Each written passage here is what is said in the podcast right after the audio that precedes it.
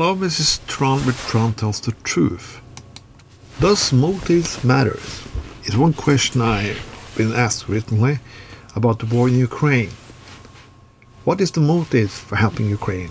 Of course, many of us will help Ukraine because we believe that Russia is the oppressor, that they will destroy Ukraine like they want to destroy many other countries.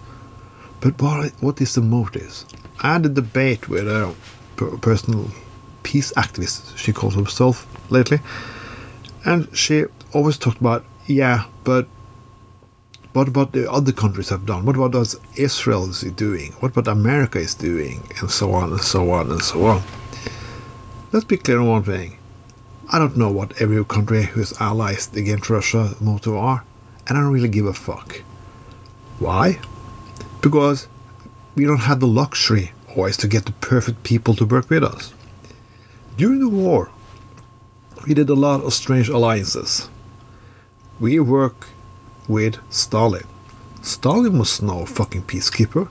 He won't also take a lot of other countries, and he also did. He killed millions of millions of people.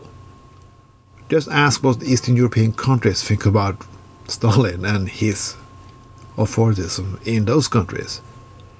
And this goes on and go on and go on. It's like the question here in Norway was asked, why are you allied with the United States? They do this and do that.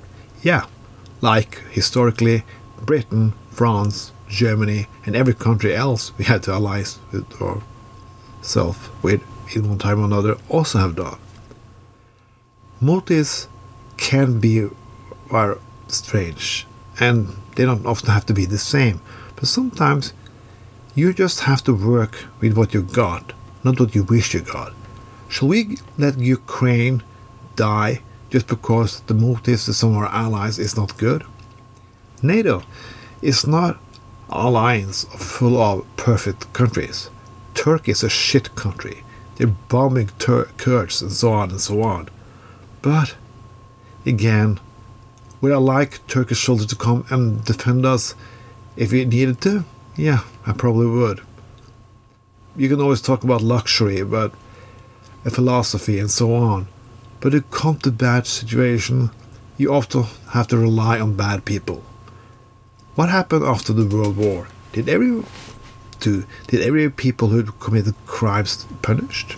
No, they did not. Why? Because well, I'm gonna tell you. A lot of scientists who build rockets for the Germans went to work with good paid jobs in United States, some of them in Russia too. A lot of criminals who done shit and terrible things, they were kept in this position just because we needed them, because alternative was not that good either.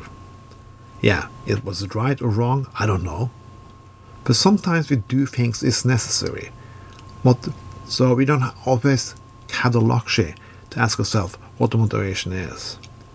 I know that Norway is not the most important country in the world, but we not we have not had the luxury, like the United States, to stand alone. So we don't also cannot ask the question: Is all United States motivations to helping us, or is that good? I don't know what it is. I don't give a fuck what it is. I just don't want my country to be a part of the Russian Federation. This was Tron with Tron Tells the Truth.